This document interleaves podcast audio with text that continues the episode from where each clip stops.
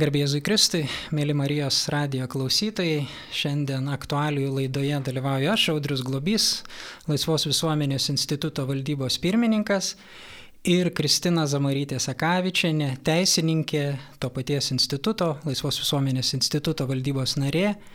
Garbėjai Kristai. Šiandien laidoje kalbėsime apie gegužės 23 dieną Seime svarstytą civilinės sąjungos įstatymą.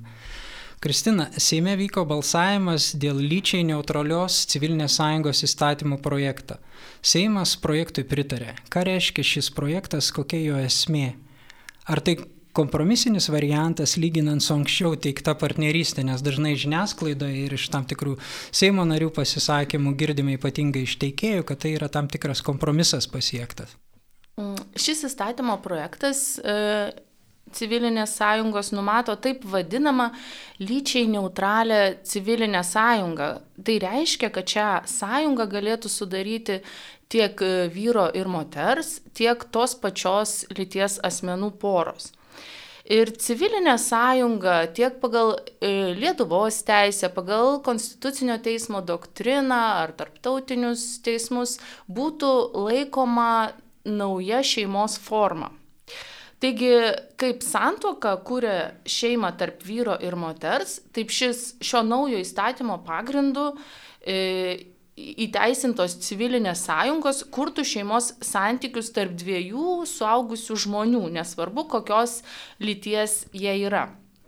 Kitais žodžiais tariant, būtų galima pasakyti, kad civilinė sąjunga būtų tam tikras naujas santokos kaip pakaitalas, leidžiantis uh, apeinant konstitucijoje numatytą reguliavimą, kad santoka galima tik tarp vyro ir moters, ir homoseksualioms poroms suteikti tas pačias e, teisinės pasiekmes e, kaip ir sutuoktiniams. Tai yra įgyti šeimos teisinį statusą. Kristina, noriu paklausti, nes nu, va, čia toks gaunasi paradoksalus dalykas ir, ir, ir žiniasklaida, ir viešoje erdvėje nekartą girdėjom, kad Konstitucijos 38 straipsnis tarsi numato, ar ne, šeimos kūrimosi pagrindus, ar ne, tai yra santoka, kaip jūs minėjot, ar ne, tėvystė, motinystė, vaikystė, ta prasme, tai yra tam tikras kraujo ryšys.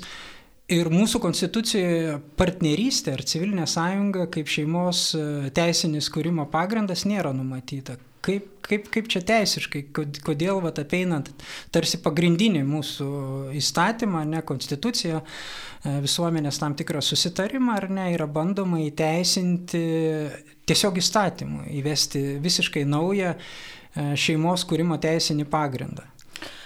Taip, kaip, kaip teisingai sakai, žiūrint į tą pagrindinį mūsų įstatymą, konstituciją, į 38 jo straipsnį, kuris teigia, kad šeima yra visuomenės ir valstybės pagrindas, mes ten niekaip negalėtume išskaityti nieko panašaus, kas vestų į tos pačios lyties e, santokas ar kitokias šeimas partnerystės ar civilinės sąjungas.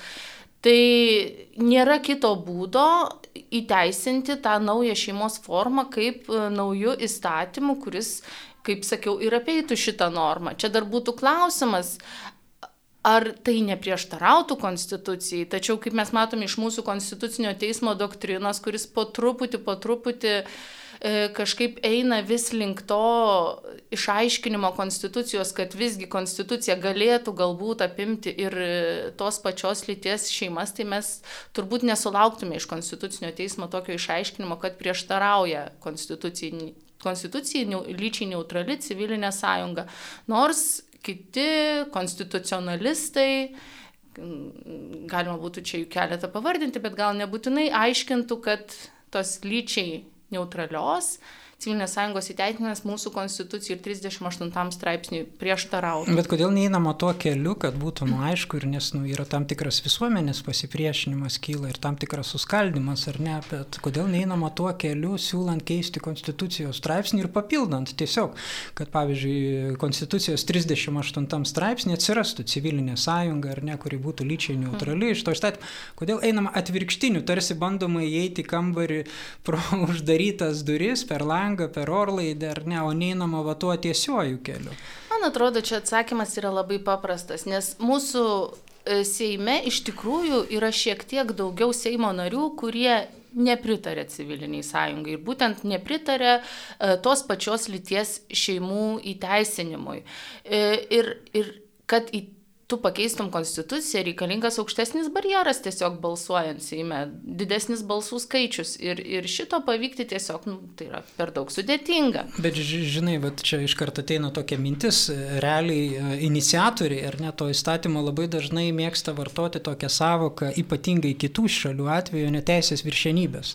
Ar ne? Ir man atrodo, čia bent jau šito konkrečiu atveju, ar ne tas teisės viršenybės principas yra pažeidžiamas, nes, nu, teisiškai, aš nesu pats asmeniškai teisės teisininkas, bet kiek, kiek teko bendrauti su teisininkais, bet ir politiškai, ar ne, ir, ir socialinė prasme, man atrodo, teisingesnis kelias būtų tas, kad keičiant konstituciją, ar ne, ir po to priimti žemesnio ligmens įstatymus. Mm, visiškai sutinku, tai būtų ir teisingesnis, ir demokratiškesnis kelias. Netgi aš manyčiau, kad tokį e, tokį straipsnį konstitucijos, kuris kalba apie visuomenės ir valstybės pagrindą, ne šiaip eilinę konstitucijos normą, turėtų keisti referendumas. Tai yra visuomenės e, balsavimas ir pasisakymas, ar jinai pritarė e, tokiai naujai šeimos formai. Tačiau, kaip mes matome iš apklausų, mūsų visuomenė gana tvirtai nepritarė ir jau kurį laiką nesikeičia ta visuomenės nuomonė, netgi nepritarimo tendencija yra didėjanti. Per, per metus šiek tiek kelis procentus jinai paaugo pagal atliktas visuomenės e, nuomonės apklausas. Tai, tai šitas kelias, kadangi akivaizdžiai yra sudėtingas ir beveik neįmanomas, na tai ką politikai ieško būdų, kaip e, paprasčiau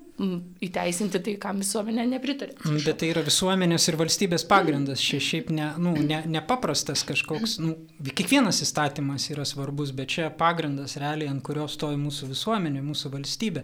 Ir aš dabar, Kristina, norėčiau sugrįžti prie gegužės 23 dienos, ar ne? Ten vyko procedūrinis dalykas, ar ne? Antra teisinė stadija civilinės sąjungos įstatymo prieimimo, prieimimo procese. Gal galėtum truputį pakomentuoti, nes žiniasklaidoje irgi buvo įvairios informacijos, kaip vyko šis balsavimas. Girdėjom iš pradžių apie įtraukimą į darbo tvarkę, atšaukimą ir vėl įtraukimą. Kodėl tokia painiava? Kam, kam? Čia vėl panašu, kad vyksta kažkokios manipulacijos ir tam tikras tikrai visuomenės buvo nepasitenkinimas. Ką reiškia, va, šitą antrą, gal tiesiog galėtum paaiškinti Marijos radio klausytojams, ką reiškia pritarimas po svarstymo mhm. būtent. Mhm. Tai Seime, kai yra priiminėjami įstatymai, yra keletas stadijų. Prasideda nuo pateikimo Seimo nariams, kai įstatymo projektas pateikiamas ir Seimo nariai balsuoja, ar iš vis verta įsvarstyti. Jeigu pritarė po pateikimo, tada jisai keliauja į komitetus, komitetai apsvarsto, pateikia savo išvadas ir tada vėl Seimo plenariniai Seimo saliai visi Seimo nariai balsuoja, ar pritarė po svarstymo su komitetų pasiūlymais, išvadom. Tai dabar ir įvyko būtent šis pritarimas po svarstymo, liko paskutinė stadija jau prieimimas, įstatymo prieimimas, kur jau reikės, kad dalyvautų bent 71 Seimo narys yra tokia riba e, balsavime. E, taip, gerai tu prisimeni, kai, kai vyko šitas pritarimas po svarstymo, iš tikrųjų buvo viskas taip, na, tokia košė, kai iš vakaro lyg ir dar yra darbo tvarkiai, visi ruošiasi balsuoti, ruošiasi grįžti Seimo nariai, kurie nepritarė į, į, į Seimo posėdžių salę, nes tai labai svarbus balsavimas, visi tą supranta. Ką reiškia ruošiasi grįžti, jie buvo išvykę? Taip, jie buvo išvykę, kai kurie į komandiruotės, kai kurie į savo apygardas, nu visokių reikalų turi Seimo nariai. Ir, ir, ir buvo susiruošę sugrįžti keletas tų, kurie nepritarė, tačiau Tačiau iš vakaro staiga dingo iš darbo atvarkės ir buvo pranešta per visą žiniasklaidą, kad ne, nebebus svarstama ketvirtadienį, tai yra antradienį, ne, darbo atvarkiai. Bet ryte, ryte Seimo nario Mitalo pasiūlymų vėl staiga atsirado ir labai staigiai buvo suorganizuotas balsavimas. Kodėl taip įvyko? Aš manau, kad tiesiog valdantieji, kurie, kurie e, nustato darbo tvarkę, kurie atsakingi už darbo tvarkę, na, visada pasiskaičiuoja, ar užteks ar neužteks balsų tą dieną konkrečiam įstatymo projektui. Ir šį kartą jie pamatė, kad Seimo salėje trūksta tų, kurie nepritarė, daugiau tų, kurie pritarė ir greitai įtraukė į darbo tvarkę, na, kaip galima sakyti, tiesiog grubiai prastumė per šitą prieš paskutinę e, stadiją. Tai, bet, bet kažkiek galima sakyti, kad realiai buvo tam tikra manipulacija, ar ne, nu, kaip, kaip, kaip, kaip minėjai, kad iš vakaro m, duodama žinia, kad nu, nebus tas įstatymas, mm. nes tai svarbus įstatymas, keičiantis Taip. visuomenės ir valstybės pagrindą. Ar ne, kai kurie Seimo nariai man irgi teko girdėti, kad buvo pasiryžę net iš užsienio grįžti. Kad... Net 14 nebuvo, kurie nepritarė. Tai tikrai yra didelis, did, did, Taip, didelis skaičius. Skirtumas buvo 5. Jo, mhm. tai, tai čia va tam tikra tokia, nusakyčiau, ir, ir visur mes matom va tą kalbam apie visuomenės ir valstybės pagrindą, apie šeimą, ar ne, kuri įtvirtinta konstitucijai. Tai vad kaip, kaip kalbėjom pradžioje, ar ne, apeinant konstituciją, mm. nu, va, tas nuseklumas, tas teisės viršenybės, kad keičiam konstituciją, leidžiam visuomeniai, piliečiams prabalsuoti, jeigu iš tikrųjų didžioji dauguma nu, tam pritarė, tam pokyčiui, vyksta tam tikri de debatai, ar ne, nu, nacionalinis transliuotojas organizuoja, leidžia sudalyvauti vairiom nuomonėm, ar ne. Čia truputį jo irgi iš šono nukryps vykstant, mm. ta prasme. Ir tada piliečiai demokratiniai valstybei, ta prasme, transliuoja žinutę savo seim, deleguotėms Seimo nariam, ne, ir, ir patys prabalsuoja referendume, ar ne, keičia arba nekeičia konstituciją, ir tada vyksta įstatymų prieimimas. Bet dabar apėjimas, vėl mm. apėjimas, ir to apėjimo, kadangi vėl skaičiuojam, trūksta balsų, ar ne, tokias vat vykstama, toks įstatymas tok, toks svarbus įstatymas, ar ne? Ir vat toks kelias, žinai, nu, man kaip krikščioniui, tai nu, turėtų iš karto užsidegti lemputę, ar ne, nu, kažkaip nelabai čia atrodo, kad veikimas iš Dievo. Matai, Audriu, pats supranti, kad šis įstatymas nori teisiškai įtvirtinti netiesą, melą. Ir tas kelias, kuriuo bandoma tai padaryti natūralu, kad irgi nu, dažnai grindžiamas panašiais būdais - melu, manipulacijom, kažkokiais piknaudžiavimais, procedūromis. Kai, spaudimu, spaudimu propaganda, taip. kuri vyksta, mes irgi nemažai matom, taip. ar ne, va, tos propagandos ir žiniasklaidai. Nu tai kaip sakyti, iš tikrųjų tos politinės jėgos, kurios deklaruoja laisvę, panašu, kad bando išlaisvinti mus iš laisvės, ar ne? Ir tie, kurie skelbia teisės viršenybės principą, tai pasirodo skelbia kitiems, ar ne? O savo šito dalyko nebetaiko. Bet sugrįžkim prie to įstatymo. E, kaip minėjai, liko paskutinė stadija, ar ne, prieimimo stadija, ar ne, tai gal gali pakomentuoti, kada mes čia galim laukti vėl, vėl tos paskutinės stadijos. Nu tai va, tai būtų labai malonu man kaip teisininkiai, kuris seniai stebi Seimo balsavimus, galėti numatyti, kaip kad būdavo anksčiau. Mes turėdavome Seimo darbo atvarkę ir ten maždaug pagal mėnesius išdėliota, kada koks įstatymas eina, po to mes prieš nu, savaitę ar dvi žinome, kad va jau tą dieną bus balsavimas dėl prieimimo, ruošiamės, visuomenė gali akcijas savo kažkokias organizuoti, žmonės gali ruoštis argumentus ten į komitetus ar dar kažkur pateikti, dabar ne, va, būtent šio įstatymo atveju planuoti mes negalim, mes tik tai pastebim tokią tendenciją, kad kai yra daugiau Seimo narių, kurie pritarė jam, tada vat, ir stengiamas jį įmesti į tą darbo atvarkį. Aš taip suprantu, kad uh, birželio mėnesį tai vėl bus daroma, o kada tiksliai tai bus, aš nežinau. Tačiau šita jau prieimimo stadija, jeigu vis dėlto pavyktų ją pereiti, peržengti ir, ir, ir Seimo įstatymas Seime būtų patvirtintas, tai jau, na, jau būtų labai sudėtinga situacija, nes liktų tik tai vienas prezidento parašas, kad įstatymas įsigaliotų. O jeigu įstatymas įsigalios, tai jo apgręžti praktiškai nebus įmanoma dėl tam tikrų taip vadinamų teisinių lūkesčių, teisinio tikrumo principų, nes e, įsigaliojus įstatymai natūraliai tam tikros šeimos susikurs bus pasinaudojusių tiek vienos lyties, tiek skirtingų lyčių porų, kurios pasinaudos šio įstatymu, sukurs tas civilinės sąjungos, e, atsiras nauji teisiniai santykiai, teisės ir pareigos ir šio, šį procesą apgręžti jau bus praktiškai neįmanoma. Tai čia kaip minėjai, bet gal nu, mes irgi žiniasklaidoje ir iš Seimo narių, be kita ko, kurie, kurie save pristato ir, ir, ir krikščionimis, ar ne, nekartą esam girdėję tokio, nu, nieko tokio, nu, ar jums gaila, mm, e, dangus, dangus nenukris ant žemės, kas norės pasinaudos įstatymo, kas nenorės, jūs, juk niekas nevers sudaryti partnerystės. Ar iš tikrųjų verta nerimauti, juk bažnytinė santoka bus tokia, kokia buvusi. Tai kaž, ka, ka, kas čia atsitiks, kokie, kokie procesai čia mhm. įsijungs? Taip, labai dažnas klausimas. Aš irgi nuolat girdžiu va tokį, nu, ar priekaištą, ar pasipiktinimą, nu, kuo jums tai trukdo. Nu, taip, čia tradicinės šeimos nesugrius, arba jeigu jos griūva, tai ne dėl tų priežasčių. Ir man tai panašu į tokį, nu, spekulaciją ar tokį primityvų šaržavimą, norint sumenkinti ir iškreipti oponentų argumentus, kai iš tiesų juos nėra atsakymų. Ne, iš tiesų, kai, kad, kad šalia kažkur apsigyvens e, vienos lyties civilinės sąjungos partneriai, kažkur kaiminystėje, tai kaimininių šeimų iš tiesų nesugriaus. Tačiau ką, ką ką, kokia yra esmė, kai būtų įteisinta civilinė sąjunga, tai oficialiai teisėje būtų pakeista teisinė šeimos samprata. Ką tai reiškia? Tai reiškia, kad Lietuvoje visiems piliečiams įsigaliotų nauja teisinė, socialinė ir kartu visada iš teisės kyla ir moralė, tam tikrą prasme, e, įsigaliotų nauja norma, kuri būtų privaloma visiems. Ne tai, kad tu privalai kurti tokią šeimą, bet tu privalai pripažinti, kad tai yra šeima.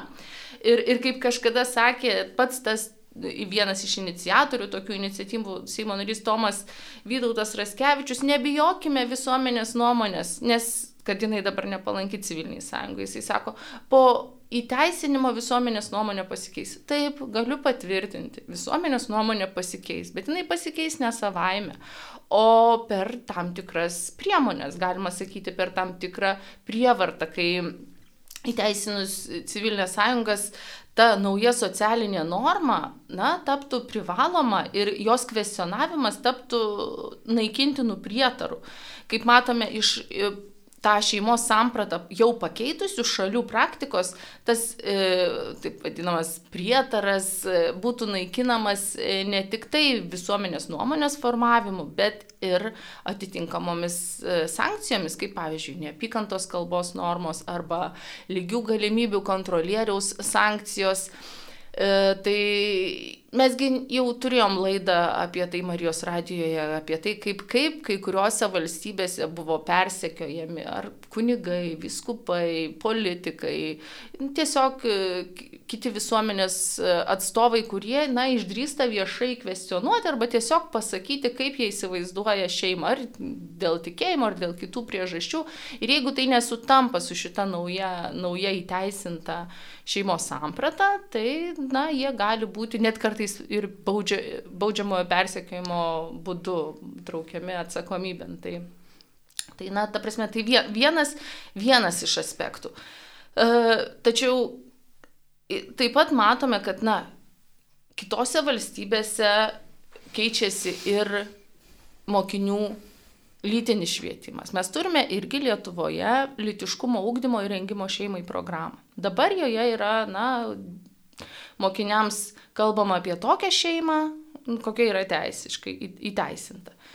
Nebejotinai jinai keistusi ir mokyklos, na, nebeturėtų laisvės e, kalbėti taip, kaip kalba dabar, jiems tektų lygiais pagrindais mokyti, e, rūkdyti, renkti skirtingoms šeimos formoms ir, ir tiek vyro ir moters, tiek, tiek homoseksualioms šeimoms, nes tai teisiškai taptų, na, kaip ir privaloma, o nesutinkančios galėtų būti ar lygių galimybių kontrolieriaus, ar kitų institucijų e, persekiojimas.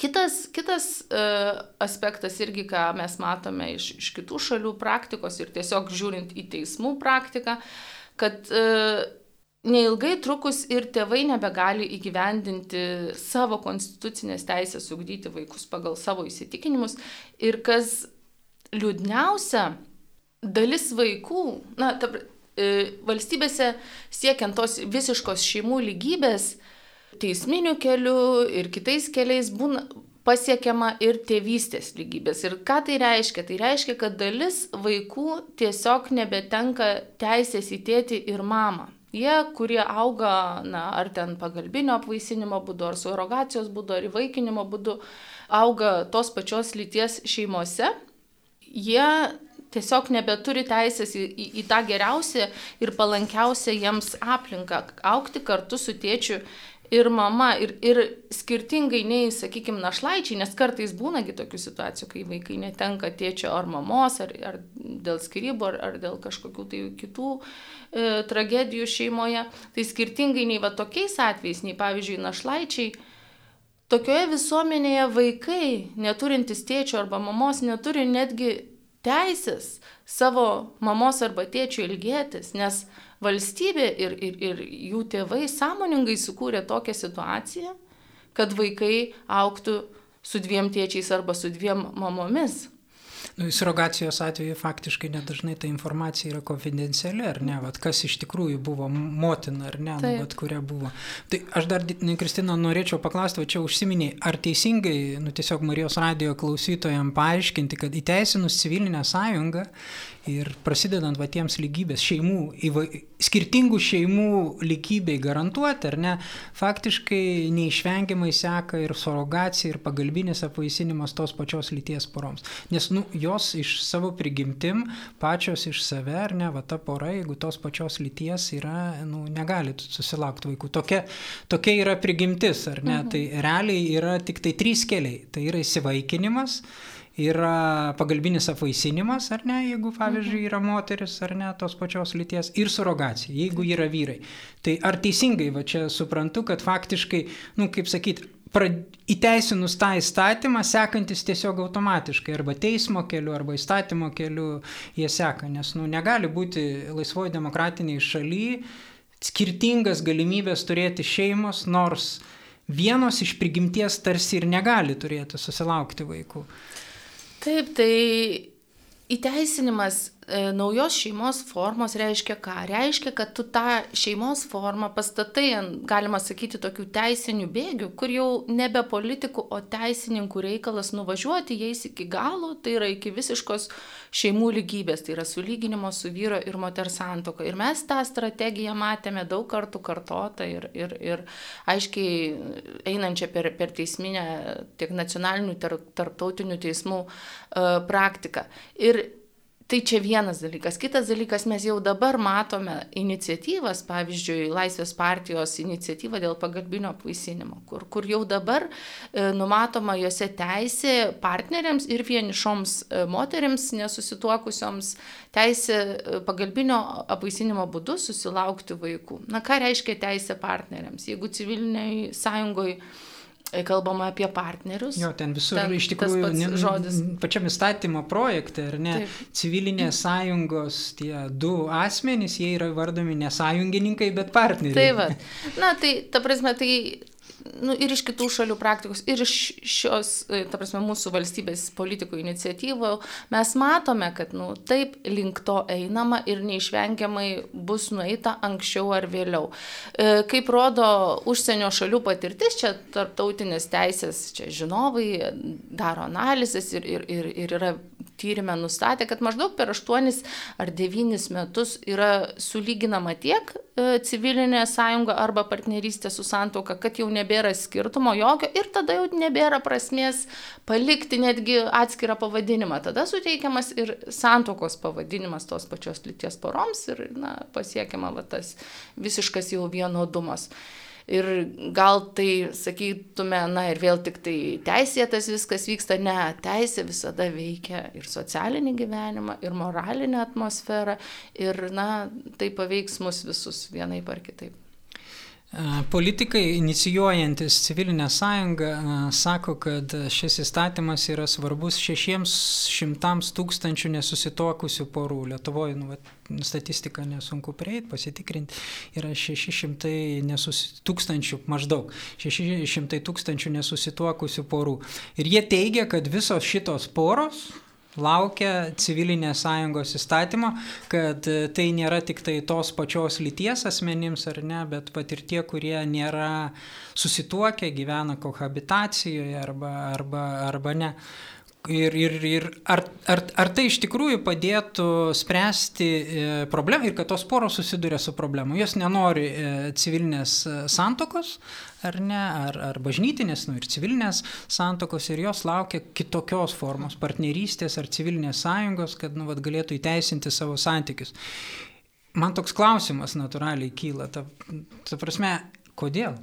Kas čia atsitiks, kad Lietuvoje 600 tūkstančių porų dabar vat, prieimus naują įstatymą iš tikrųjų vat, jų problemos išsispręs ir jos nenori susituokti, bet norės susisąjunguoti. tai gal pirmą, žinai, aš pradėsiu nuo to skaičiaus. Nes aš nežinau, kaip jį paskaičiavo, iš kur ištraukė, bet jeigu yra 600 tūkstančių tokių porų, tai kiek milijonas du šimtai tūkstančių žmonių laukia e, šitos civilinės sąjungos, yra nesusituokę ir gyvena kartu, o tai dabar paskaičiuokim, vaikų yra uh, Lietuvoje apie 650 tūkstančių. Uh, pensininkų 880 tūkstančių. Tai jau kartu sudėjus visas šias grupės mes gauname daugiau negu dabar gyvena Lietuvoje žmonių. O kur visi susituokia? Kur kad ir kunigai, vienuoliai arba vieniši žmonės. Tai dabar vat, elementariai sudėjus keletą skaičių, tu matai, kad ir šis skaičius yra manipulacija. Na toks iš tikrųjų koks skirtumas, daugiau ar mažiau tų žmonių laukia, na, tai yra gyvena nesusituokia, tačiau kam nu vis išpūsti tą problemą, suvaidinti kažkokią didesnę, tai nežinau nežinau. Bet taip, faktas tas, kad yra tokių porų, ar jos laukia civilinės sąjungas. E, čia neseniai buvo publikuotas e, Vilniaus universiteto mokslininkų tyrimas, kuris, na, jeigu trumpai, nustatė tai, kad e, dabar užaugusi karta yra tokia individualistinė, tokių individualistų, kurie bijo įsipareigoti ir, ir na, tiesiog nenori kurti tų stiprių šeimos ryšių, nenori susilaukti vaikų. Ir manau, kad tai yra netiesa, kad tos poros, jeigu tik tai galėtų iškart pultų sukūrinėti, sudarinėti tą civilinę sąjungą, nes jeigu jos norėtų kurti šeimą, norėtų šeimos e, teisinių santykių, jos be kliūčių gali dabar sudaryti santoką. O nenorintis e, priimti tų šeimininių įsipareigojimų, na, nei santokos, nei civilinės sąjungos nesudarys. Gal ir atsiras keletą, bet tai nebus toks labai reikšmingas dalykas, kad čia imsim ir išspręsim tų žmonių, kurie nenori įsipareigoti. Tai problemas. iš tikrųjų, jeigu e, atsiribot nuo visų šitų manipulacijų, tai nu, jeigu Seimo nariai inicijuojantis va, tokius visuomenės pokyčius, nu, tiesiog turėtų aiškiai įvardinti, ka, kam ir kodėl ir kas yra va, tas Lietuvos visuomenės, kokia yra Lietuvos visuomenės dalis, kam tai yra daroma. Bet vat, vėl mes kalbėjom apie apėjimą konstitucijos, ar ne, apie manipulaciją procedūrom Seime, ar ne. Ir dabar vat irgi manipulacija skaičių, poreikių, kam turi. Nu, visur, vis, visur tam manipulacijos, manip, pati berots man kažkuriam straipsnį visi įsimena minėjai tokią savoką manipolitika, ar ne, mm. kurią, kurią užsiemam. Kodėl? Nes tai skaldo, kiršina visuomenę, mes turim tokią sudėtingą geopolitinę situaciją. Gyvenam tokio iš tikrųjų, nu, nestab, nestabiliais tokiais laikais. Ka, kam, kam visą tą daryti yra? Nu, vat, čia labai sunkus klausimas, kodėl? Nes iš tikrųjų, jeigu taip žiūrėti atvirai į tą klausimą, tai vienintelis, atsiprašau, dalykas, ką jis tikrai padarys, tai jisai pakeis socialinę, moralinę, na kartu teisinę normą, kas yra šeima laikoma. Mhm. Tai, vat, ir ko, tai, yra, tai yra esmė, ką jis padarys. Kad atsisakytų iš šeimos sampratos dabar galiojančios to nukreiptumo į gyvybės puoselėjimą, į galimybę susilaukti vaikų ir tiesiog pripažintų, kad e, šeimos esmė yra, tai yra e, suaugusių norai, emocijos, aistros ir, ir, ir, ir tarpusavio santykiai. Tai vad e, Tai čia ir yra esminis dalykas, kodėl yra taip norima šito pasiekti. Vat čia yra labai, labai sunkus klausimas. Tai, nu, kod, vat čia tada kyla toks natūralus klausimas, ar ne? Nu, vat ir mūsų konstitucijoje, ir tarptautiniuose dokumentuose vienokia ir kitokia forma yra įvardinama arba šeima pagrindinė visuomenės lastelė, arba šeima, kaip mūsų konstitucijoje 38 straipsnį, visuomenės ir valstybės pagrindas. Kodėl? Kodėl? Vat būtent kodėl šeima yra visuomenės ir valstybės pagrindas. Kodėl, pavyzdžiui, ne ekonomika, ar ne? Arba kodėl ne švietimas, kodėl, nežinau, kultūra, ne kultūra yra visuomenės ir valstybės pagrindas. Bet būtent šeima. Kodėl? Ir va dabar mes keičiam va, visą šitą, ar ne? Va tas, kas yra šeima, ar ne, ir kodėl tai yra visuomenės ir valstybės pagrindas, arba kitose dokumentuose įvardinama pagrindinė lastelė, ar ne? Mm. Ir, ir, ir, bet kodėl, nu, ta prasme, o gal individas su savo, nu, kaip sakyti, emocijom, jausmais, aistrom, gal, gal, gal į tai būsim, gal sekančiai konstitucijoje vyks referendumas ir bus įvardinta, kad e, visuomenės ir valstybės pagrindas yra individas su savo poreikiais, norais, troškimais troškimais, laisvėm, teisėm ir visais kitais dalykais. Ir vat, gyvensim tokioje visuomenėje, kur vat, tai yra pagrindas. Nu, čia, žinai, labai gilus klausimai. Kodėl? Kodėl šeima yra tiek Lietuvos konstitucijai, tiek tarptautiniuose dokumentuose, tiek kitų valstybių konstitucijose yra vardinama kaip ta pamatinė lastelė, tai kaip ir, kaip ir aišku, jeigu čia daug kalbėti ir nereikia, tiesiog uh, Tiesiog todėl, kad juose gimsta nauji valstybės, nauji žmonijos nariai ir juose yra palankiausia aplinka aukti naujiems tiems e, valstybių piliečiams ir, ir naujiems žmonėms, kurie galų gale turės tas žmogaus teisės, už kurias čia uh, taip kovojama. Ir dar į ką noriu atkreipti dėmesį, kad, na, čia dažnai žmonės priekaištauja, kad, na, ne, ne, nejaugi čia privaloma, nejaugi tie žmonės, kurie uh, neturi vaikų, bet susituokia, sakykime, nėra šeima. Ne, konstitucijos 38 straipsnis arba Lietuvos teisė neįpareigoja susilaukti vaikų. E, tačiau ji tiesiog skelbia tokį mūsų tautai valstybei gyvybiškai svarbų idealą, kurio siekti yra skatinami visuomenės nariai ir kurį valstybė įsipareigoja saugoti ir globoti, nes atpažįsta joje tokią išskirtinę potenciją. Ir kai šis e, idealas valstybėje yra gyvas, kai jis yra puoselėjimas tiek teisėje, tiek kultūroje, švietime, jis turi galę, na, be prievartos kreipti tiek žmonių norus, tiek jų aistras, siekius, pasirinkimus, darybės ir įdas atitinkamai na, padėti formuotis. Tai yra tam tikrų prie, e, būdų be prievartos gali transformuoti tiek atskirų žmonių e, ir visos visuomenės kartu gyvenimą. O kai išardai šį pamatinį idealą pirmiausia teisėje, kai atsisakai tos šeimos esmės, į gyvybę nukreip, nukreiptos esmės, po truputį išsiklibina ir moraliniai orientyrai, o laiko eigoje natūraliai, natūraliai keistusi ir žmonių pasirinkimai. Tada vis labiau gali stabilizuotis ir, ir šeimos ryšiai, kurių funkcijas į savo rankas, kaip matome, na, vis labiau perima valstybė. Vėliau ji atitinkamai, na, kad, kad šią nenatūralią tvarką palaikytų, turi, kaip kalbėjome, užtikrinti ir, ir tą kalbos kontrolę, švietimą, viešą informaciją, tam, kad ši nauja, nauja šeimos forma ir nauja nenatūrali tvarka sklandžiai funkcionuotų. Tai žiūrint į tai, kur veda va, toks va, šito pamatinio idealo pakeitimas, jisai veda ne į didesnį visuomenės išlaisvinimą, bet kaip tik vis tokioje visuomenėje laisvės lieka mažiau, daugiau valstybės kontrolės. Ir valstybės kišimosi. Ir valstybės kišimosi. Re, realiai, vat, kaip, kaip minėjai, jeigu visuomenės ir valstybės pagrindas ar pagrindinė visuomenės lastelė šeima yra dėl to, kad per ją nu, iš prigimties gali ateiti nauja gyvybė, puoselėjama, formuojasi giminystės ryšiai ar ne. Ir jeigu mes iš tikrųjų įteisinam kaip tokią pat uh, Kas iš prigimties to negali turėti, ar ne tos pačios lyties asmenys, ar net, nu, mano galva, tai yra ir neteisinga, nes nu, skirtingi dalykai turi skirtingą tam tikrą ir visuomeniai misiją, ar ne, ir paskirti, ir tam tikrą vietą užima šitoje vietoje. Tai čia turbūt yra pažeidžiamas ir pamatinis teisingumo tam tikras principas.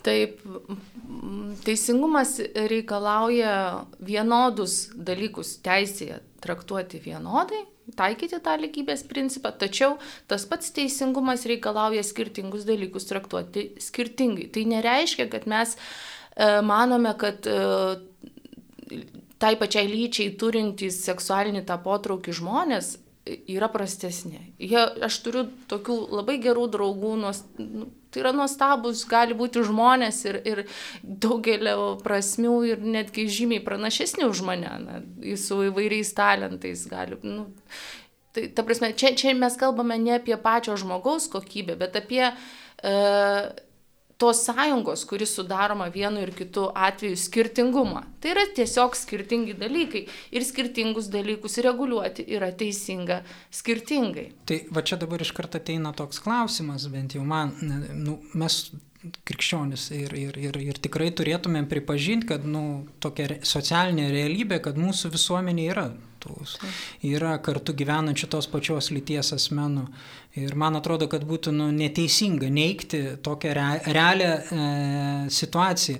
Ir turbūt ir tarptautiniai teisiai yra įpareigojimas, ar ne? Mes vis tiek gyvenam laisvoje demokratiniai šalyje, esam ir ES, ir, ir, ir, ir turim tam tikrus tarptautinius įsipareigojimus, ar ne, kad, kad toj socialiniai realybėje esantys žmonės, tos pačios lyties asmenys, kad jų santykiai turėtų būti kažkaip sureguliuoti, ar ne? Ar yra įvardinta, ar mums kaip valstybei yra toks teisinis įpareigojimas, kad būtent mes turėtumėm įteisinti tuos santykius, ar ne, kaip šeima?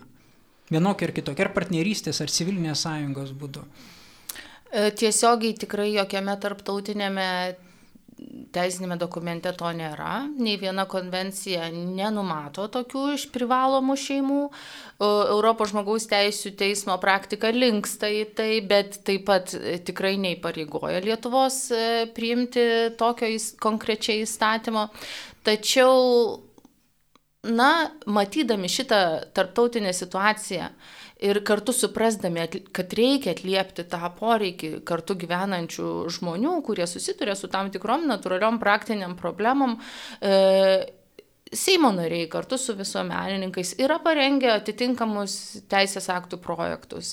Dabar taip trumpai pavadinti galima būtų tai bendro gyvenimo susitarimo projektas ir jį papildami, papildantis artimo ryšio projektas, kurie ir spręstų tuos e, praktinius dalykus, sakykime, na, paveldėjimo klausimus, susižinojimo dėl sveikatos informacijos, kai vienas iš partnerių atsiduria kažkokioje sveikatos priežiūros įstaigoje, e, kitus finansinius klausimus, na, į, įvairius klausimus galima spręsti tų projektų pagalba. E, ir, ir, ir tam kad, tam, kad iš tikrųjų tie žmonės gautų tam tikrą teisinį pripažinimą ir, na, kad jų gyvenimas būtų kuo geriau sureguliuotas.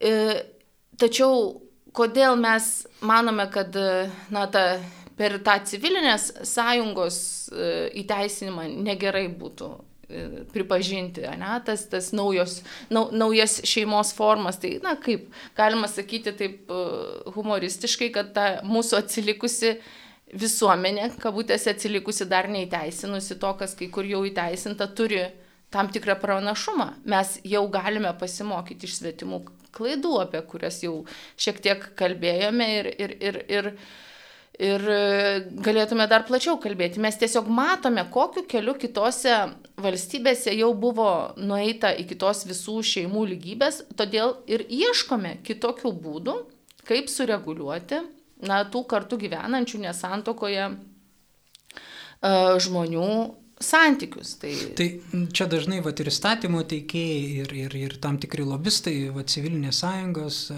dažnai vardina, kad tas priežastis, kurias turi vardinti, tarsi reikia įteisinti praktinės žmonių bendro gyvenimo problemas.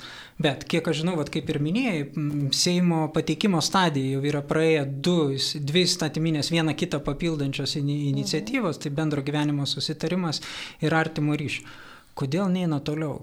Kodėl Seimo nariams yra neduodama rinktis, ar ne, Kodėl, vat, sakykime, nu, vat, Seime, abu įstatymų projektai ir civilinės sąjungos ir va šitie du buvo praėję pateikimo stadiją. Ir dabar kažkur viena, e, viena, viena kryptis vat, bendro gyvenimo susitarimo ir artimo ryšio dingo, ar ne, stalčiuose kažkur nusėdo ir Seimo nariai turi rinktis iš vienos, iš vieno. Man atrodo, čia irgi yra kažkokia, vat, panašu į kažkokią manipulaciją. Tai va, tai va, tai, tai, tai kai matai, kad taip yra tie projektai, kurie spręstų problemas, iš tikrųjų atsiduria stalčiuje, tu pamatai, kad iš tikrųjų tas deklaruotas noras spręsti problemas homoseksualių porų irgi te buvo blefas. Realiai tikrasis tikslas yra pakeisti pamatinę tą teisinę, socialinę, moralinę normą arba šeimos sampratą.